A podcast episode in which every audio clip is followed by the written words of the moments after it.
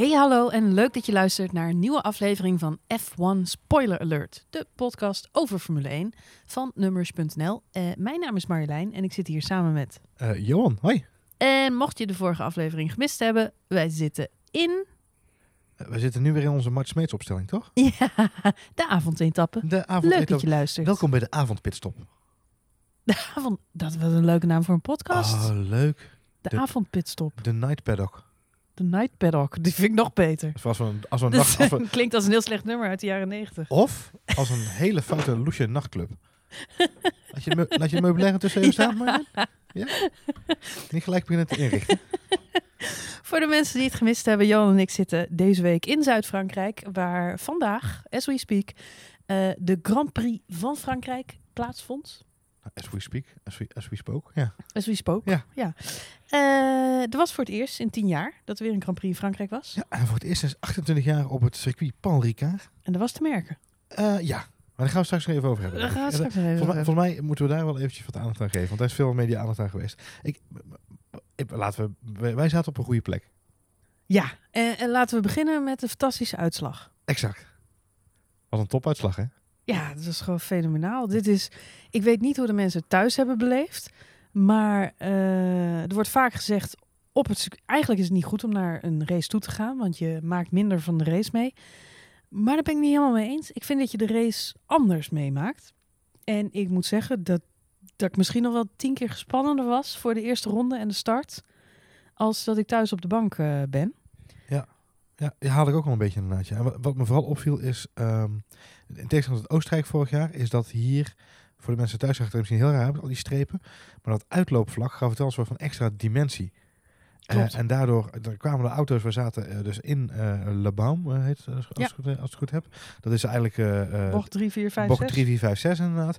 En daar komen de auto's wel met een behoorlijke vaart aan. Dan moeten ze ook behoorlijk in de ankers, omdat het daar natuurlijk één grote doordraaier is. Dus het was heel tof om daar te zitten. Eh, en, en, en om daar de race mee te maken inderdaad. Ja, je hebt echt best wel overzicht. Waar je normaal bij een Grand Prix weekend soms op een plekje zit waar... Nou, vorig jaar zaten we op start-finish bij Oostenrijk. Ja. Super tof locatie, want dan kijk je in de pitstraat. Was, was ook zeer de moeite waard. we ja, wat erg tof is, omdat je ziet dat de pitstops worden voorbereid. Ook al zijn er dat tegenwoordig nog maar één race, wat een beetje saai is. Dankjewel, Maar goed. Ja. Ja, maar eh, dus dat was ook erg leuk. Maar je ziet de auto's zie je echt alleen maar nieuw, nieuw voorbij komen. Terwijl waar we nu zaten was eigenlijk aan het einde van ja, die hele lange doordraaier. Ja. Ehm, en daardoor we zagen ze zowel aankomen rijden, chicane pakken, lange doordraaien maken en weer wegrijden. Dus we kregen best wel een groot stuk van de baan mee. En het viel mij tijdens de kwalificatie gisteren al op dat iedereen andere lijnen rijdt. Dat vind ik heel gaaf om te zien. Ja, klopt inderdaad. Ja, was heel duidelijk te zien in dit, in dit stuk van de baan. Hey, ehm, eh, eh, nou zagen wij in die chicane waar wij zaten een crash. Daar kom ik zo even op terug. We zagen niet de crash van vandaag.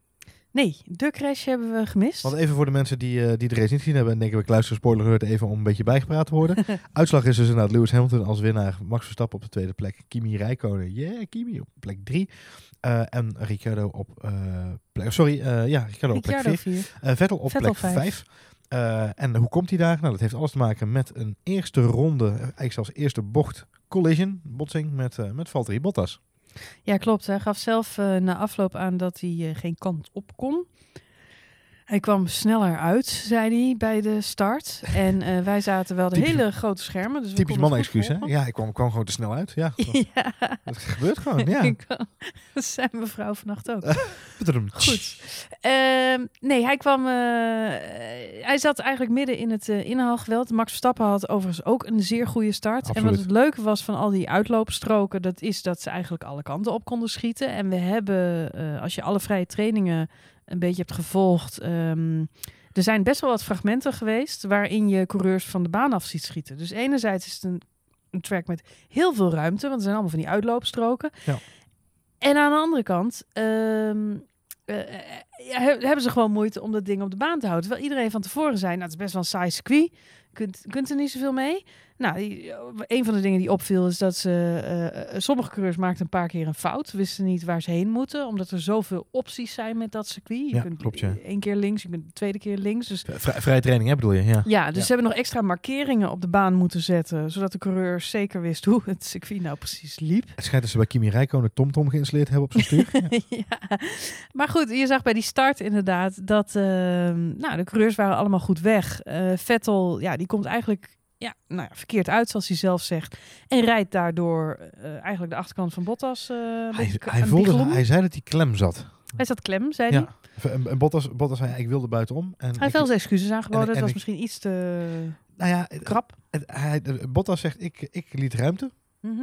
En eh, Vettel had daar makkelijk binnendoor gekund. Maar het leek erop alsof hij ja, me bijna moedwillig ramde. Zo, eh, daar kwam Ja. het op neer. Nou, de twee Red Bulls die profiteerden, want die zelden over die lange uitlo eh, uitloopstroken Er langs heen. er langs heen. Eh, Max Verstappen zei zelf na afloop, I took the alternative chicane tegen Lewis Hamilton. Eh, maar daardoor kon hij eigenlijk best wel goed aansluiten bij Lewis Hamilton op Ja. plekje 2. Eigenlijk al vanaf nou, de bocht waar wij zaten. Dus het was meteen eh, feest bij ons op de tribune. We zaten trouwens met heel veel Nederlanders om ons heen. Die was fijn. geloof ik allemaal bij elkaar gezet. Nog- was nog heel gezellig. Nog iedereen bedankt voor de kaas met eh zilveren uitjes en een augurkje.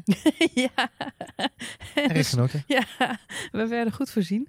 En eh, nee, dus eigenlijk, en vanaf daar eh, ja, was het P2. En Ja. eh, dat ging hartstikke goed. Wat, wat mij opviel is, ehm, eh, wij zaten die eerste ronde te kijken. Overigens, eh, om, om, dit, eh, dit verhaaltje full circle te brengen inderdaad. Eh, in, die, in die eerste eh, bocht 4, 5, 6 waar wij zaten, daar kwamen de heren aangeraast. En vervolgens keken we natuurlijk met z'n allen, oh Max op P2. En niet heel kort daarachter zagen we eh, twee Fransozen. Ocon.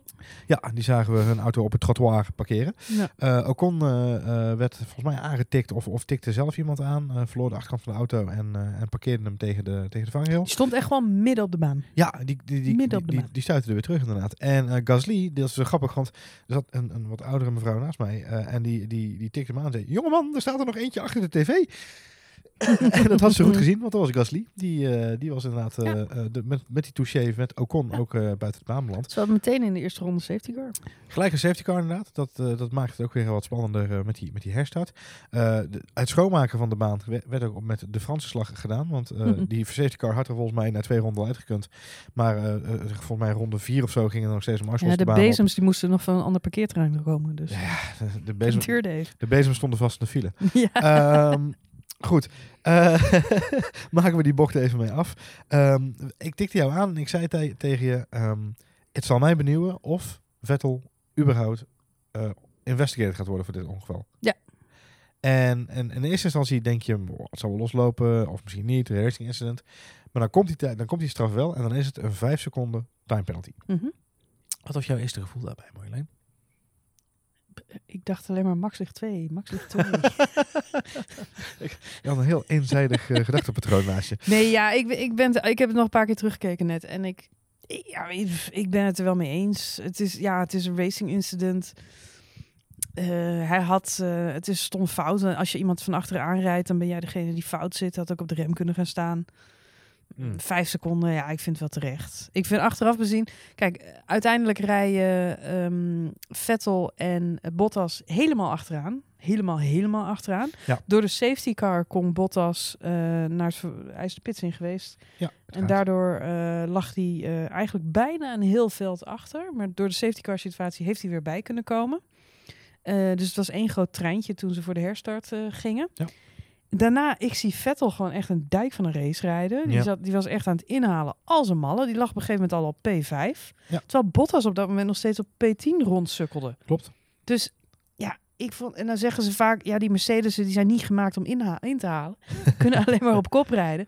Dat kan wel zo zijn. Maar ik, ja, ik vind Vettel dan toch meer een coureur dan, eh, dan Bottas. Nou ja, los daarvan, eh, goed, goed om eh, dat, dat kan ik met je eens zijn of oneens. Ehm, belangrijk om daarbij wel te vermelden is dat Bottas natuurlijk een kapotte ondergrond had van zijn auto.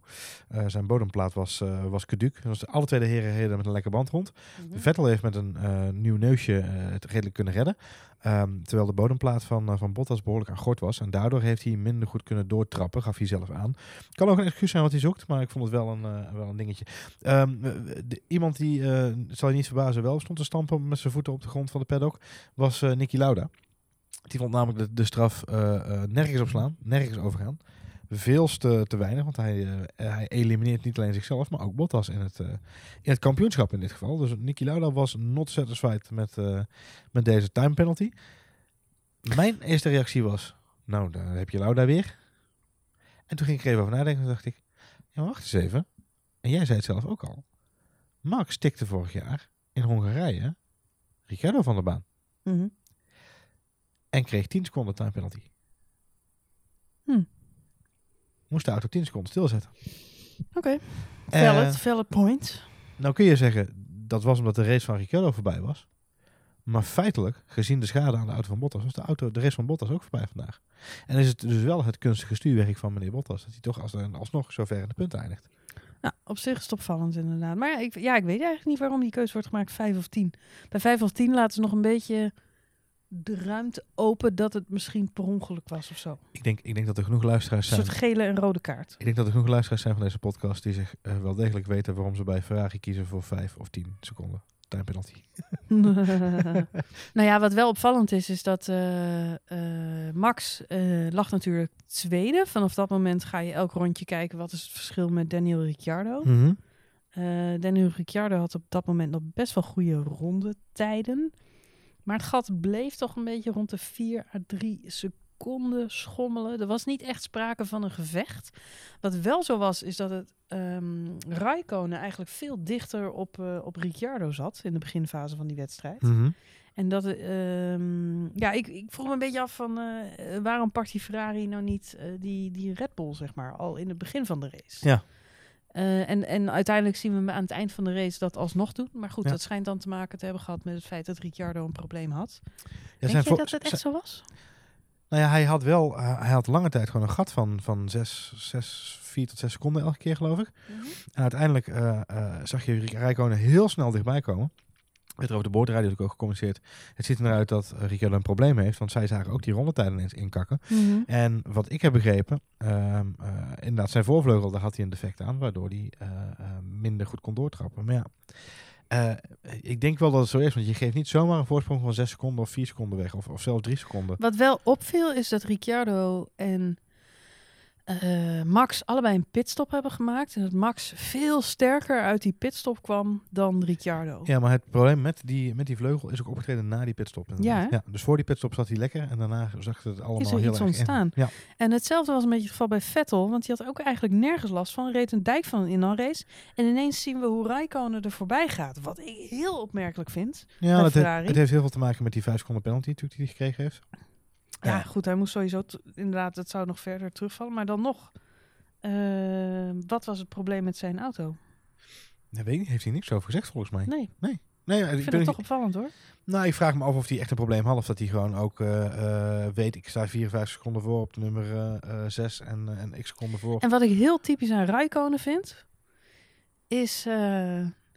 ik, Raikkonen die rijdt altijd gewoon... Popedopedo. Ja, maar serieus. Zet die gast in een snelle auto en eh, hij, hij shows up, weet je wel. Hij is er. Mhm. Hij gaat zitten, hij zet zijn helm op. Hij gaat rijden. Hij rijdt zo hard als hij kan. Om hem heen vallen er allemaal mensen uit. Of er gebeuren allemaal dingen. Rijkonen, we hebben dit ja, het seizoen al een paar keer gezien. Dat hij op de een of andere wijze... Ja, schadevrij uit de meest bizarre situaties komt. Ja. En rustig zijn eigen gangetje rijdt. Niks aan het handje. Tot het moment dat hij min of meer teamorder krijgt. Hij kreeg namelijk vandaag te horen... eh, Ricciardo heeft een probleem, je kunt hem pakken. Ja. En ineens ging er een soort vlammetje aan. En dacht Rijkonen, nu moet ik gaan. Ja. En dan pakt hij hem ook. Maar dat is wat de tweede man bij Ferrari moet doen. Ja, maar ik ben gefascineerd door het feit dat je dus dat tegen die man moet zeggen. Hij is zelf wereldkampioen geweest. Hij, hij, hij kan het blijkbaar nog steeds. Ik vind het zo'n fascinerende verschijning. Ja, maar ik denk, nou ja, goed, hij kan het nog steeds. Ik denk dat van- vandaag, ook vandaag in de race duidelijk was dat hij het kan op het moment dat er een probleem is bij Ricciardo. Want Ricciardo pakte hem glorieus in. Of hij pakte die Vettel volgens mij in eerste instantie. Eerst pakt die Eh, Vettel eh, toen Ricciardo. Ricciardo reed gewoon best wel een goede race.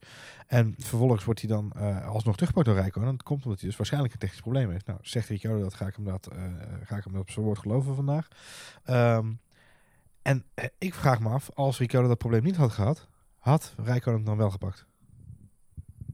Ehm, ja, dus, dat eh, weten we niet. En ik denk dat het niks te maken heeft met dat vuurtje. Want ik denk Mhm. dat Rijkonen dat vuurtje altijd heeft. Het vuurtje heet wodka. En hij gaat ervoor. nee, ik denk, ik denk, nogmaals, ik denk dat Rijkonen, dat is gewoon een, een, een, dat is een binaire coureur. Of 1 of 0. En het enige wat, het enige wat er... Ja, hij staat of aan of staat uit. En ook als hij uitstaat, trapt hij nog steeds op een gaspedaal. Want dat is gewoon zijn, zijn standaard functie. zijn standaard functie is voet naar beneden. Ja. Alleen de, de snelheid waarmee hij dus over dat, over dat parcours beweegt, dat is afhankelijk van een binaire setting, 1 of 0. Eh, en ik denk dat het team hem inderdaad kan activeren. Maar dat is ook zijn rol. En dat is ook de reden waarom hij zo'n succesvolle nummer 2 is bij Ferrari. We hadden het afgelopen eh, aflevering in onze update al over het feit dat hij ontzettend veel geld heeft moeten inleveren om te mogen blijven. Jij zei vandaag terecht, hij laat vandaag wel zien dat hij eventueel gewoon recht heeft op contractverlenging als hij dat zou willen. Vind ik wel. Ja, nou, maar goed. Er zijn een hoop mensen die natuurlijk eh, ook dit weekend weer eh, alle kudo's aan Charles, Charles Leclerc. Die een fantastisch weekend heeft gereden in de, in de Sauber. Laten we dat vooropstellen. Want die jongen Ja. die rijdt gewoon een Lada eh, in de top 10. Dus dat Mhm, moet- mhm. moet je absoluut eh eh, kudo's aan geven. Eh, vandaag ri- rijdt hij ook in de punten met dat ding. Dus weet je, go. Eh, fantastische coureur. Laten we dat vooropstellen. Ehm, moet hij volgend jaar naar Ferrari? Nou, ik denk nog steeds dat hij daar te jong voor is. En volgens mij Ja. ben jij die mening ook toebedeeld. Eh en daarnaast, eh, eh, weet je, iemand als Kimi... Ja, wat je precies jij zegt. Je, je vraagt hij even een rondje komt rijden, dan komt hij op. Hij is er gewoon. En Ja. hij, is, hij, is, hij is loeistabiel. Hij is loeisnel. Eh ik zou bij god niet weten waarom je hem zou vervangen. Nou ja, nog- en even Als hij zelf niet meer wil, dat is daarbovenop, hoeveel fans die jongen heeft, jongen. Ja, vandaag Dus ook weer. ja. afgelopen weekend weer geme- gem- gemerkt. Nou ja, Ferrari-fans die zijn natuurlijk overal. En tuurlijk, ze, ze cheeren voor Sebastian Vettel. Maar Kimi Räikkönen is wel een klas apart. Hoeveel Ik- mensen daar wel niet fan van zijn? Ik vond het erg leuk. In de fanshop van de Formule 1 kun je natuurlijk altijd een beetje zien op zo'n parcours wat er eh, hot and happening is, om het zo maar even te zeggen. Ehm, bij de Red Bull eh, afdeling eh, waren er maar liefst drie verschillende Max Verstappen shirts versus één Daniel Ricciardo shirt. Ehm, overigens waren er twee van de drie uitverkocht van Max Verstappen, heb ik vandaag nog even geïnformeerd. En ehm, van... Onderzoeksjournalistiek dit. Dank je, dank je. Ja, dat was, ook- ik wilde er zelf heel graag een hebben. Nee, ehm, en bij eh, Ferrari, eh, waar ik absoluut zelf geen een van hoefde te hebben, ehm, daar was er maar één specifieke coureurshirt. En dat was het shirt van Kimi. Nou moet ik wel zeggen dat ehm, mijn dochter ook wel een behoorlijk zwak heeft voor Kimi. En ik weet niet of dat door de naam Kimi komt. Maar kinderen hebben iets met Kimi Räikkönen. Wat ik echt heel erg grappig Ja, vind. maar het- eh, weet je, als je er een poppetje van maakt... Kimi's kindershirts waren allemaal uitverkocht. Ja, ze hadden alleen nog de babyvorm. En zelfs, die, en zelfs daar ging de laatste van over en zelfs die ging, ging uit het... Maar eh, ik denk serieus, dat als je, er een, als je er een animatieserie van maakt en je zet het op Netflix, dat het verkoopt als een malle. Eh, misschien iets, iets minder drank dan, dan en rock'n'roll dan de racing driver. Ja, precies. Klinkt ook een beetje als een, Leuk naam voor een serie. een, beetje als een verre neef van Peter Rabbit. dus. Goed. Hey, ehm Kimi Räikkönen dus naar, eh, eh, mag, mag van Ferrari dan uiteindelijk eh, naar het podium? Zullen Ja, ik, ik, ben- dat is heel erg, want ik was echt wel aan het cheeren voor Daniel Ricciardo, omdat je dan toch wilde dat Red Bull een heel mooi raceweekend heeft. Maar aan de andere kant vond ik het ook wel weer heel erg leuk om eh, zo'n divers podium te zien. nou ja, voor- en eh, jongen, zo'n feestende Kimi op een podium, dat doet iedereen toch voortaan. Ook, Nou ja, voor het podium. Ik zag een hele mooie foto langskomen waarin ze op een rijtje zaten. En dan zie je inderdaad blauw, wit, rood. Dus het was ook een mooie knipoog naar de Franse vlag. hadden de Fransen toch nog een beetje Frans De drie mannen op het podium. Ja, en de Fransen die waren erg teleurgesteld. En moet ik wel even zeggen dat er ontzettend veel Fransen waren. Dat is gek hè, in Zuid-Frankrijk. Frankrijk. Ja. Veel Engelsen, veel Fransen. Ja. Minder Nederlanders dan ik verwacht had. Oh ja? Ja. Oh, ik vond het nog best wel aardig. Ja, wel veel, wel veel. Maar ik zag ook Denen. Ik, zo- ik hoorde toch, eh, toch wel een petit Ik heb heel veel eh, Scandinaviërs ook gezien. Ja, dat, waren, dat, dat kunnen ook gewoon hele bleke Britten zijn geweest. Maar je weet Dat het niet. is waar, dat is waar. Engels heb ik ook veel gehoord, zelfs Amerikanen. Ja, dat heb ik inderdaad ook tegen. gehoord, ja. ja. Maar de familie van Lance Stroll, die, eh, zijn Canadezen. Dat is een ander verhaal. Hey, ehm, eh, we moeten het nog heel even hebben over Max' zijn reactie op de persconferentie. Die uithaal naar de media. Ja, ja ik vond, we zaten heel erg te lachen, want eh, wij zaten terug in de auto van het circuit. Dus we hadden even de tijd om, eh, om even alle updates te lezen. Waren het niet dat eh, het internet hier natuurlijk zo goed als plat lag? Want ik geloof dat 65.000 bezoekers allemaal tegelijk online wilden. En dat trekt de Franse telecom Mm. nog niet. Nee. Dus voor zover mogelijk zagen wij wat dingetjes voorbij komen. Een daarvan was inderdaad de persconferentie van Max Verstappen, waarin hij ehm, waarin hij zei, eh, hij werd gevraagd naar de reactie op wat, wat moeten we zeggen tegen Sebastian Vettel, waarop hij reageerde, nou, eh, zeg maar tegen hem dat hij voortaan eh, beter uit moet kijken, want dat zeiden ze tegen mij ook allemaal. Hij moet, hij moet zijn rijstijl geleden. aanpassen. Ja. Hij moet zijn rijstijl aanpassen. En dat was natuurlijk met een dikke, vette, sarcastische knipoog. Maar dat werd niet door iedereen begrepen. Nee, na afloop stond hij bij Sky Sports, was het geloof ik, klopt. om nog een interview te geven. En toen werd hem weer daarna gevraagd naar die, opmerking van bedoelde je daar nou mee? En was dat een sneer naar Sebastian Vettel? Hij zegt nee. Hij, wat ik bedoelde is dat er eh, de media, eh, social media en journalisten mij de afgelopen weken continu hebben gevraagd: is het tijd om je rijstijl aan te passen? Hij zegt, en dat vind ik een stomme opmerking. Je gaat je rijstijl niet aanpassen als coureur zijnde. En het is vermoeiend om elke keer diezelfde vragen te horen. Iedereen maakt fouten. Elke coureur maakt fouten. Zelfs een viervoudig wereldkampioen als Sebastian Vettel maakt fouten. En dat hebben we vandaag gezien. En ik doe dat ook. Maar ja, niemand gaat hem nu vragen naar ga je je rijstijl aanpassen. En dat hadden ze mij dus ook allemaal niet moeten vragen. En we moeten iedereen gewoon eens lekker met rust laten. Ja. Want iedereen heeft zijn eigen rijstijl. Die ga je niet aanpassen. Je kunt alleen leren van je fouten. Dit, was, dit was het punt Mhm. waarop ik, ik zat met de arm in de lucht, vuist in de lucht. Preach hem, preach hem, ik te denken, dacht ik hardop. Eh dacht ik hardop, laat ik even figuurlijk. Ehm, maar dit was wel het punt waarop ik dacht, oei, dan moet je wel gaan opletten dat je niet het eh, verdrietige jongetje van de klas wordt. Eh, met name toen hij ook begon in zijn reactie in Sky over social media en alles erbij halen. En dan laat je misschien iets te veel zien dat je er wel gevoelig voor bent. Hm. En misschien had hij daar net even één kop boven moeten staan. Eh eh, eh, eh, knopje moeten omschakelen. Moeten denken, ik ga er even boven hangen. En ik laat het me even niet gek maken. Ik moet altijd denken aan Lewis Hamilton met zijn best fans in the world everywhere. Ehm, hij weet ook best wel dat hij daarmee op social media eh, doormidden gehakt wordt. Maar hij blijft het stug volhouden. Ehm, en eh, met een knipoog dus als het nodig is. Ik, ik weet niet of het zo verstandig was om ook gelijk erbij te roepen. En op social media roept iedereen maar. En ik weet zeker dat eh, Vettel het minder te horen krijgt dan ik. Daar is het in deze fase ook nog een beetje vroeg voor. Om dan gelijk je gram te willen gaan halen. Op basis van deze crash. Vond ik iets te vroeg, persoonlijk. Nee hoor, ik, eh, ik vond het eh, Verstappen een goede opmerking plaatsen. Dus, maar PR-technisch gezien, mensen Mhm. die Verstappen nu al niet mochten op social media omdat hij dit soort dingen deed, die gaan nu zeggen, ja, kijk nou, een huilen baby, want hij gaat nu eh, gelijk eh, één keer eh, doet iemand anders het en gelijk staat hij moeten voor ze hem. lekker fan worden van een andere coureur. Ik vind, het, ik vind het heel goed dat er een coureur is die eh, gewoon zichzelf eerlijk eh, uitspreekt in de media. En de beste coureurs doen dat. Sebastian Vettel is ook altijd heel erg outspoken. Eh, Fernando Alonso is altijd heel erg outspoken. In tegenstelling tot eh, andere coureurs zoals eh, Kimi Räikkönen, die toevallig wel heel veel fans heeft, maar eh, niet zo vaak van zich laat horen. Het kan je allebei veel fans opleveren. Ik hou wel van de coureurs die gewoon eh, ja, zeggen waar het op staat. En ik ben wel met Max eens dat er eh, sowieso de journalistiek en de media heeft natuurlijk sinds de komst van social media best wel een, eh, nou ja, een turn for the worst af en toe genomen. Mhm, mhm. Ehm, ja, en dat is niet altijd een positieve ontwikkeling. We, we zitten heel erg in de ge- ja, generatie van clickbait en het moet maar scoren. En ik vind dat zelf ook ergerniswekkend. Ik, ik Mhm. kom dagelijks dingen tegen waarvan ik denk, wat ongelooflijk tendentieus en vervelend. En je kwetst daar mensen mee. En Ja. ik, dat, dat is een grotere maatschappelijke discussie die, die hij min of meer in zijn eigen wereld eh, op deze manier aan de kaak stelt. Hij heeft daar wel een punt. En het is goed dat mensen zich daar af en toe over uitspreken. Nou, ja, in, in dat opzicht eh, met je eens. Hij is eh, internationaal wordt hij weer alom geprezen door mensen die zeggen eh, Max Verstappen has, has taken sarcasm to the next level. Ja, ja, eens. Eh, weet je, dus nogmaals, als wij kijken het, wij, wij zien En ik denk dat. Vettel er ook wel om kan lachen. Jij zei al eventjes, eh, we hebben rustig eh, de tijd gehad om alles even door te nemen. We hebben zelfs nog even overwogen om vandaag de podcast op te nemen in de auto. Ja, we hadden microfoons, alles bij ons. We hadden de, serieus de set achter in de auto gegooid. Zo van, als, het, de- als het de tijd zich voordoet, kunnen we het gewoon doen.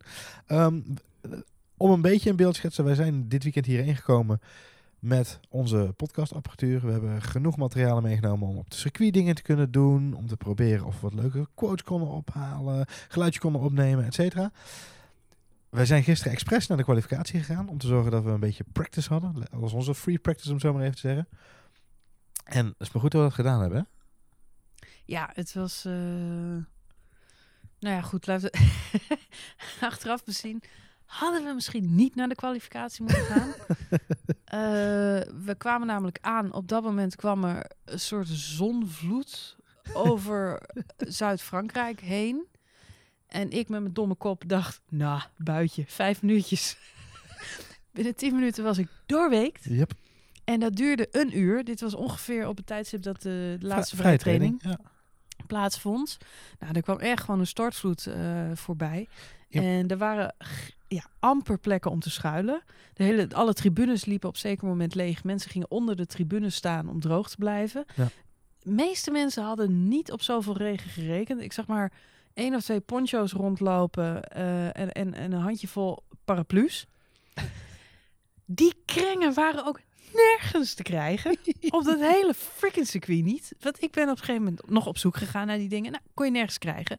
Wel stonden mensen in hele lange rijen voor eh, frietjes, broodjes, t-shirts. eh, allerlei andere onzin die je kon krijgen. Nou, er stonden rijen. van- Volgens mij ben jij, heb jij een uur en een kwartier in de rij gestaan voor, voor twee broodjes. Ja, ik denk dat ik inderdaad een uur en een kwartier in de rij heb gestaan voor twee broodjes. Ik denk dat ik eh, alles bij elkaar een uur en een kwartier in de rij heb gestaan om een vraag te stellen aan iemand bij inderdaad de, de fanshop. Ehm, Ik ben gisteren op een gegeven moment vooraan gaan staan bij de fanshop. Gewoon om te kijken of ze misschien ook paraplu's hadden. En ik stond daar, omdat ik daar droog stond. En er kwamen op een gegeven moment gewoon allemaal Frans mensen die naar, me, naar mij toe. Die vroegen, hebben ze ook paraplu's? Dus toen de eerste meneer kwam en ik, ik had zelf nog niet geconstateerd dat ze ze hadden... heb ik toch maar eens gevraagd aan het meisje. En die legde me uit, nee, we hebben geen paraplu's en ook geen poncho's. Kun je dat alsjeblieft aan alle mensen in deze rij vertellen? Want ik vind het zo zielig. Spread the word. Ja. Nee, echt. Maar er was dus er was niks te krijgen. En nou ja, goed. Eh, vandaag waren we gelukkig beter voorbereid. En eh, hadden we eh, poncho's, vuilniszakken, paraplu's, alles natuurlijk meegenomen. Kwam er uiteraard geen regen. Nee, gelukkig Maar goed, niet. nog even los van al deze eh, toestanden rondom het circuit. Wat erg vervelend was, is dat nou, om Paul Ricard heen is een soort grote zandbak. Echt een, een wo- woestijnachtig terrein. Het doet een beetje denken, eh, wie wel eens eh, CSI Las Vegas kijkt, dat ze zo'n lijk vinden ergens net buiten Las Vegas. Dat is een beetje de setting. Ehm, en als het dan regent, dan wordt het één grote modderpoel. Dus denk Lowlands, maar dan nog erger. En het is, en het is rood, rood zand. Het is rood zand, Ja. dus je zit helemaal onder de bruine smurrie. Eh, maar goed, het was allemaal nog tot daar aan toe. Allemaal nog tot daar aan toe. Plus de lange wachtrijen voor friettentjes waar maar één mannetje stond frietjes te bakken. Ehm, in vergelijking met de, de urenlange files waar we in hebben gestaan om het circuit af te komen. en dan bedoel ik niet eens zozeer het circuit af te komen, maar vooral de parkeerplaats af te Nee, komen. Je kwam de parkeerplaats gewoon niet af. Nee. Laten we het even van, van, van de begin af aan oppakken. Ehm, eh, er is dit weekend veel ophef geweest. Ik heb het zelf al op Twitter eh, de hel van Castellet genoemd. Ehm, begon afgelopen vrijdag allemaal. Waarin, Je eh, moet t-shirts maken. nou, ik, We survive. Oké, dit is een leuk idee. Alle luisteraars van deze podcast die nog steeds eh, aan het luisteren zijn, actief luisteren en denken, hey, dit is een goed idee. eh, eh, laat het me weten in een reactie op Twitter. Ik zou het leuk vinden om een aantal t-shirts uit te brengen met Formule 1 teksten erop. En eh, met een mooie uh, logo erbij. Als mensen er interesse in hebben, stuur me een, eh, een, een berichtje via Twitter of, of via Facebook. Maakt me niet uit. En dan gaan we kijken wat we kunnen maken. Want ik vind het te gek om, om wat leuke t-shirts te gaan maken. Gaan wij gewoon wat moois bedenken, toch Marjolein? Ja, goed idee. Goed idee. Hey, ik noemde dus inderdaad de hel van Castellet. Ehm, eh, het begon allemaal afgelopen vrijdag met de vrije trainingen. De eerste tweets van mensen die maar liefst 9 uur in de auto rondom het circuit hadden gestaan. 4,5 uur heen, 4,5 uur terug. Om eh, een kleine 80 minuten vrije training te kunnen kijken. Ehm, op dat moment waren er nog geen wegwijzeringen aanwezig. Eh, dus nog geen wegbewijzering aan de zijkant van de wegen. Eh, en er waren geen politieagenten om het verkeer te begeleiden. Dus met andere woorden, het was gewoon een cowboyland. Eh, op Twitter heb je de welbekende fake Charlie Whiting Twitter-account. Die was er ook. Die was hier. Die was hier. Volgens mij is dat een Britse man, weet ik niet zeker, maar volgens mij Dat wel. is het. Ehm, eh, en, Samen met zijn vrouw. Samen met zijn vrouw zijn ze ingevlogen inderdaad. Hij heeft, hij heeft twitterde dus, vrijdagavond dat hij eeuwig dankbaar was aan een, aan een Duitse jongeman. Die uiteindelijk eh, het heft in handen genomen heeft en op, op een kruispunt ergens de, het verkeer is gaan begeleiden. Om te zorgen dat er nog een beetje doorstroom was. Ehm, dat was de zaterdag al een stukje beter. Ehm, eh, voor de mensen die niet helemaal bekend zijn met de ligging van het circuit. Het ligt eigenlijk in de heuvels Ja. eh, of bergen. Eh, en je kunt er op twee manieren heen rijden. Vanuit, even heel simpel gezegd, vanuit Marseille of vanuit het, een, stad, een strandplaats Toulon. Ehm, eh, Of Aix-en-Provence. of, ja, zijn precies. drie richtingen. Aix-en-Provence. Nou, wij, wij zitten eigenlijk aan een van de, aan de meest eh, Italiaanse kant van, het, van die Toulon. drie richtingen. Toulon, inderdaad. Wat de beste keuze is, mocht je vorig jaar willen, volgend jaar willen gaan. Vooralsnog wel, ja. ja. Mocht hij volgend jaar op de kalender staan. Ehm, wij hebben er zaterdag eigenlijk in een, in een, een snelle 25 minuten reden we heen. Dus wij dachten, nou, prima dit. Goeie keus. Heenreis, niks aan de hand. Ik heb heel veel mensen op Twitter gezien die ook in de heenreis verschrikkelijke problemen hadden. Maar zowel vandaag als gisteren geen enkel probleem. Nou, vervolgens kom je dan op zo'n mooie parkeerplek. Ehm, is het sowieso onduidelijk waar je moet parkeren. Eh ground parking staat met pijlen rechtdoor aangegeven. Wij zijn na de eerste keer rechtdoor gereden. Ik weet niet meer waar we terecht kwamen, maar volgens mij was het niet goed. We zaten al vijf We kilometer van het circuit kilometer af. En we volgden nog steeds eh parkingpubliek En we voor, zagen, nog geloof maar, ik. we zagen nog maar enkele mensen met een McLaren ja, shootje lopen. toen zijn we dus omgedraaid. we zijn toch wel omgedraaid inderdaad. Toen zagen we een paar Porsches eh, een of andere eh, parkeerplaats op. En toen zei ik, daar moeten we achteraan. Daar moeten we zijn. Dat, die En, ze, we en waar Rempels liet ons door.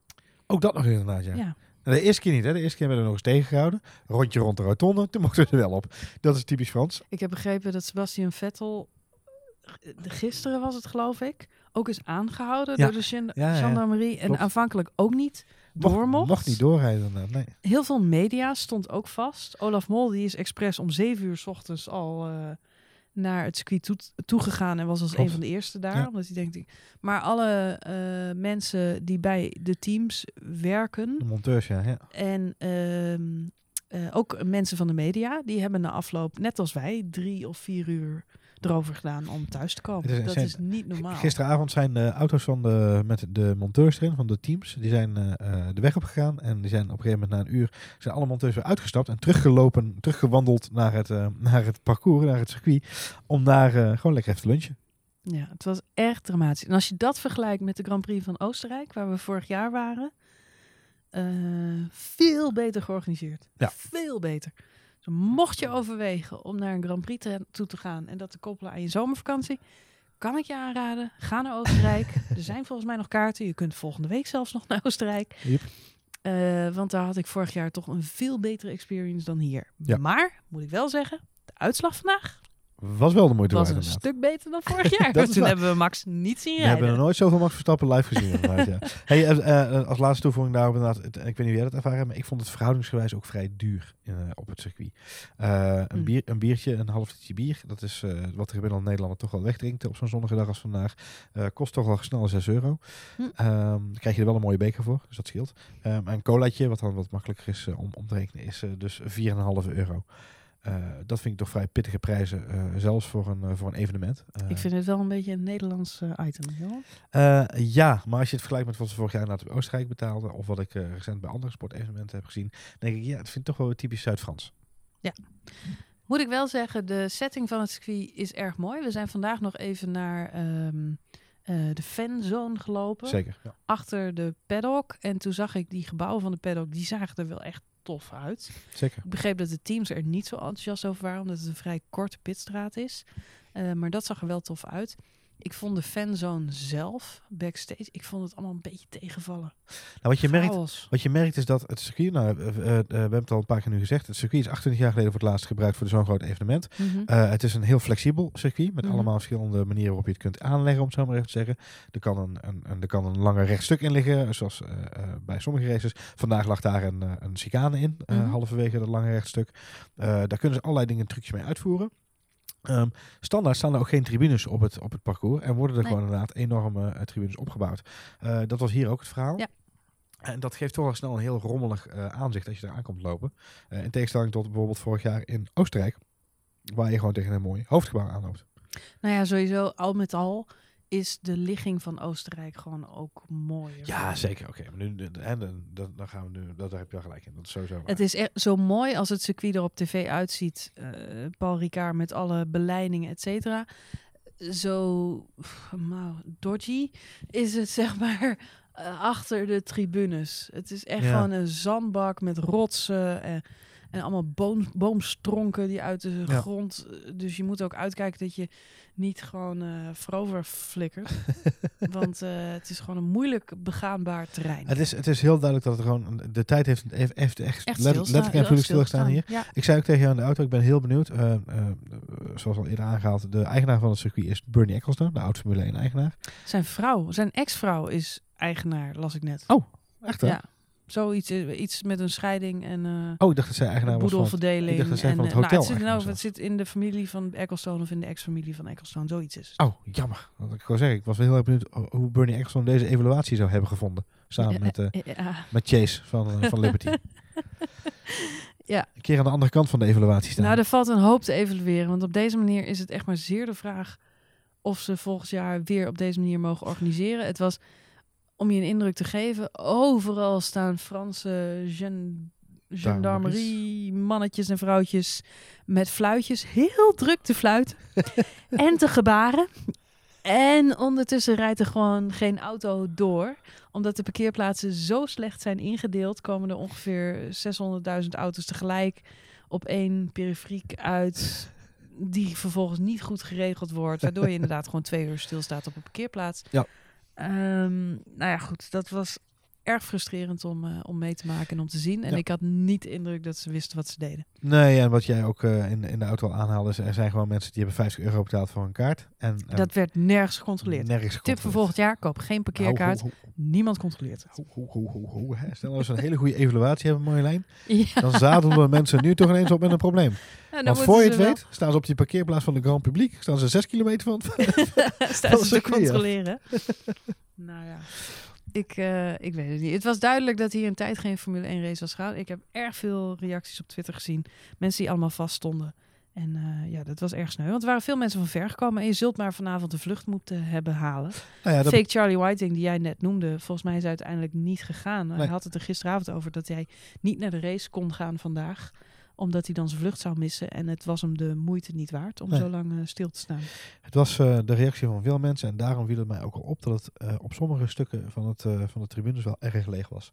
Ik vraag Het me was af. veel rustiger dan ik dacht. Het, het- wij dachten toen we naar de kwalificatie wegreden, zeiden we morgen wordt het twee keer druk, dat wordt echt heel erg. Dat viel mee. In de kwalificatie gisteren namelijk zaten wij ook al met best wel wat lege plekken om Ja. ons heen. Dat we dachten, oh is het wel lekker ruim zo. Gelukkig maar, want ook de tribunes zijn tijdelijk en dus krap.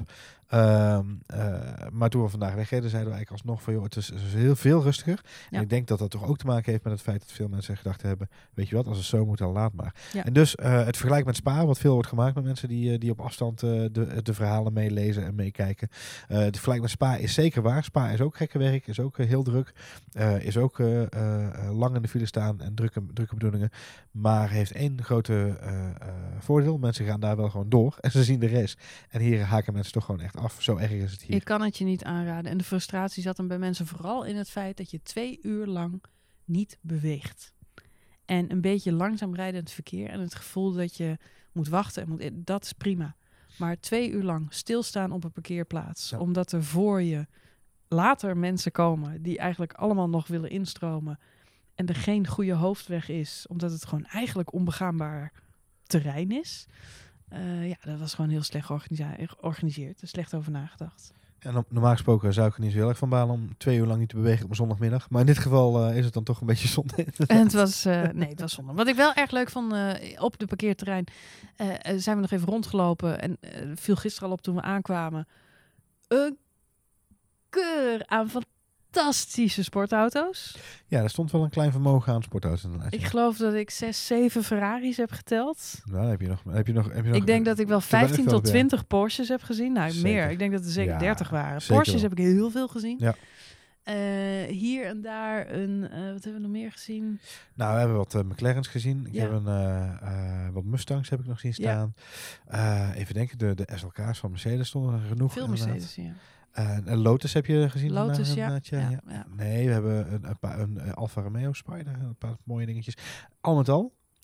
Dat is echt even eh, car sp- spotten. En wat heel erg leuk was, is dat ze met z'n allen midden in de bossen stonden. Dus ik ben benieuwd hoe ze Ja, ze stonden erbij. Nou, zo wil je je sportauto niet parkeren Lekker. eigenlijk. lekker met je F40 door de modderpoel ja, Ik gewoon, zeg succes daarmee. gewoon na, naast de nou, gezinswagens die er ook stonden. Hey, eh, Marjolein, we moeten eh, maar eens even gaan afronden en gaan vooruitkijken richting eh, volgende week Oostenrijk. Nou, s- Overigens, dat wou ik nog zeggen, Ja. los van de sportauto's. Ook leuk om te zien. Ik zag veel oude Franse dametjes en heertjes die met picknickmand naar het circuit kwamen. En ik kan me zo voorstellen dat die mensen voor het laatst 28 jaar geleden ook naar de Grand Prix zijn geweest. Ja. En nu dachten, het is weer in de regio. We gaan al weer eens als vanouds naar de Grand Prix toe. En dat was aandoenlijk en heerlijk om te zien. Volledig met je eens. Dus het had wel zijn charme. Volgende week Oostenrijk. Franse charme. Volgende week Oostenrijk. Lederhozen. Ja, dat is een heel andere vibe. Heel veel mensen in oude lederhozen. Thuiscircuit van de Red Bulls. Lekker. Ja. Wordt een, eh, wordt een leuke race, denk ik. Max heeft wat goed te maken. Max heeft wat goed te maken naar aanleiding van vorig jaar. Ja. Ja. Of Max heeft wat goed door te pakken naar aanleiding van de afgelopen twee Dat races. ook, maar ehm, ja, hij heeft ook wat goed te maken voor vorig jaar. Vorig jaar was het natuurlijk heel teleurstellend. Ja. Eh, Helmoet Marco is daar niet blij mee als er niet wordt gepresteerd in Oostenrijk.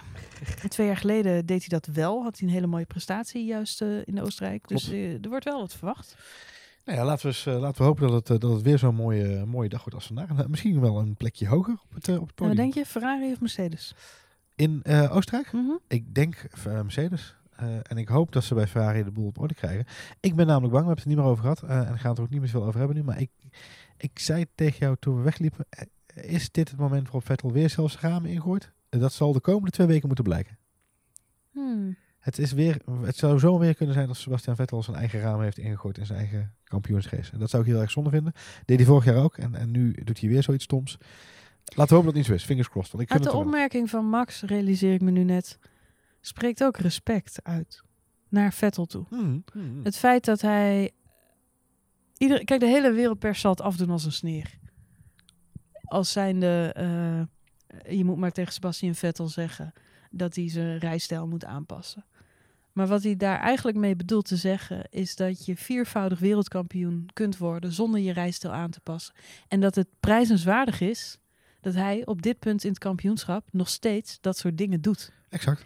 En in het interview na afloop zei hij ook van... ja, ik snap het wel, Sebastian, eh, hij staat onder druk. Dus hij, daarmee impliceert hij, en dat is ook zo... Sebastian moet wel. Hij Ja. moet wel. Want in wezen, sinds de motor-upgrade bij Mercedes...